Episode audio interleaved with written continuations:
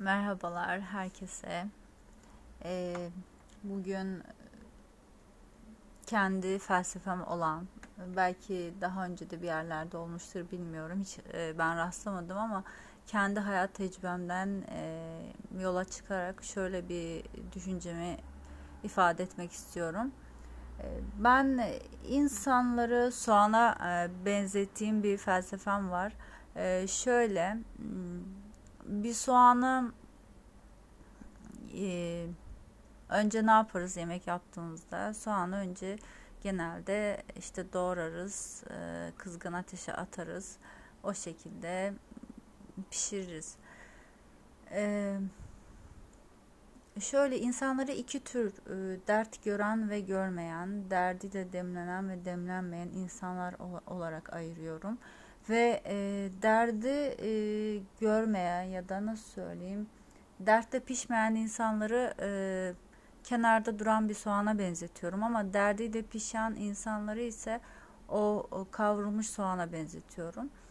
E, şöyle e, biliyorsunuz dert, sıkıntı, zorluklar e, insanı e, büyüten bir şey, insanı geliştiren bir şey. Yani tabii ki o dertten bir şey alıyorsa, o sınavından insan bir şey alıyorsa, e, şöyle yani biz önce soğanı e, doğruyoruz. İşte böyle yağ ısıtıyoruz ve soğanı o yağın içine koyuyoruz. Daha önce doğradığımızda soğan nasıl oluyor? Acı oluyor değil mi? Acı oluyor ve yağda kızarttığımız sürece böyle yavaş yavaş e, kokusunu bırakmaya başlıyor. O kızgın ateşte pişiyor ve karamelize oluyor. Bir yemeğe de ne kadar çok e, soğan koyarsan e, o soğanı da güzelce karamelize edersen o yemek o kadar güzel olur.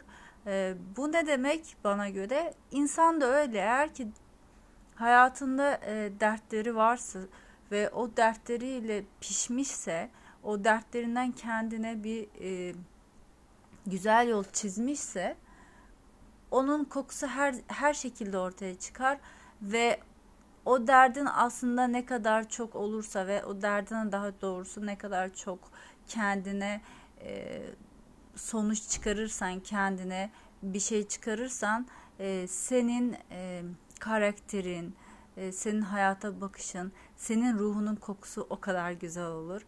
E, ve ama yani bir soğan kenarda kaldığı sürece nasıl olur? Acı olur e, doğradığında gözlerini yaşa, yaşartabilir. E, ya da kendiliğinde orada durur çürür gider. Kullanam, kullanılmaz hale gelir.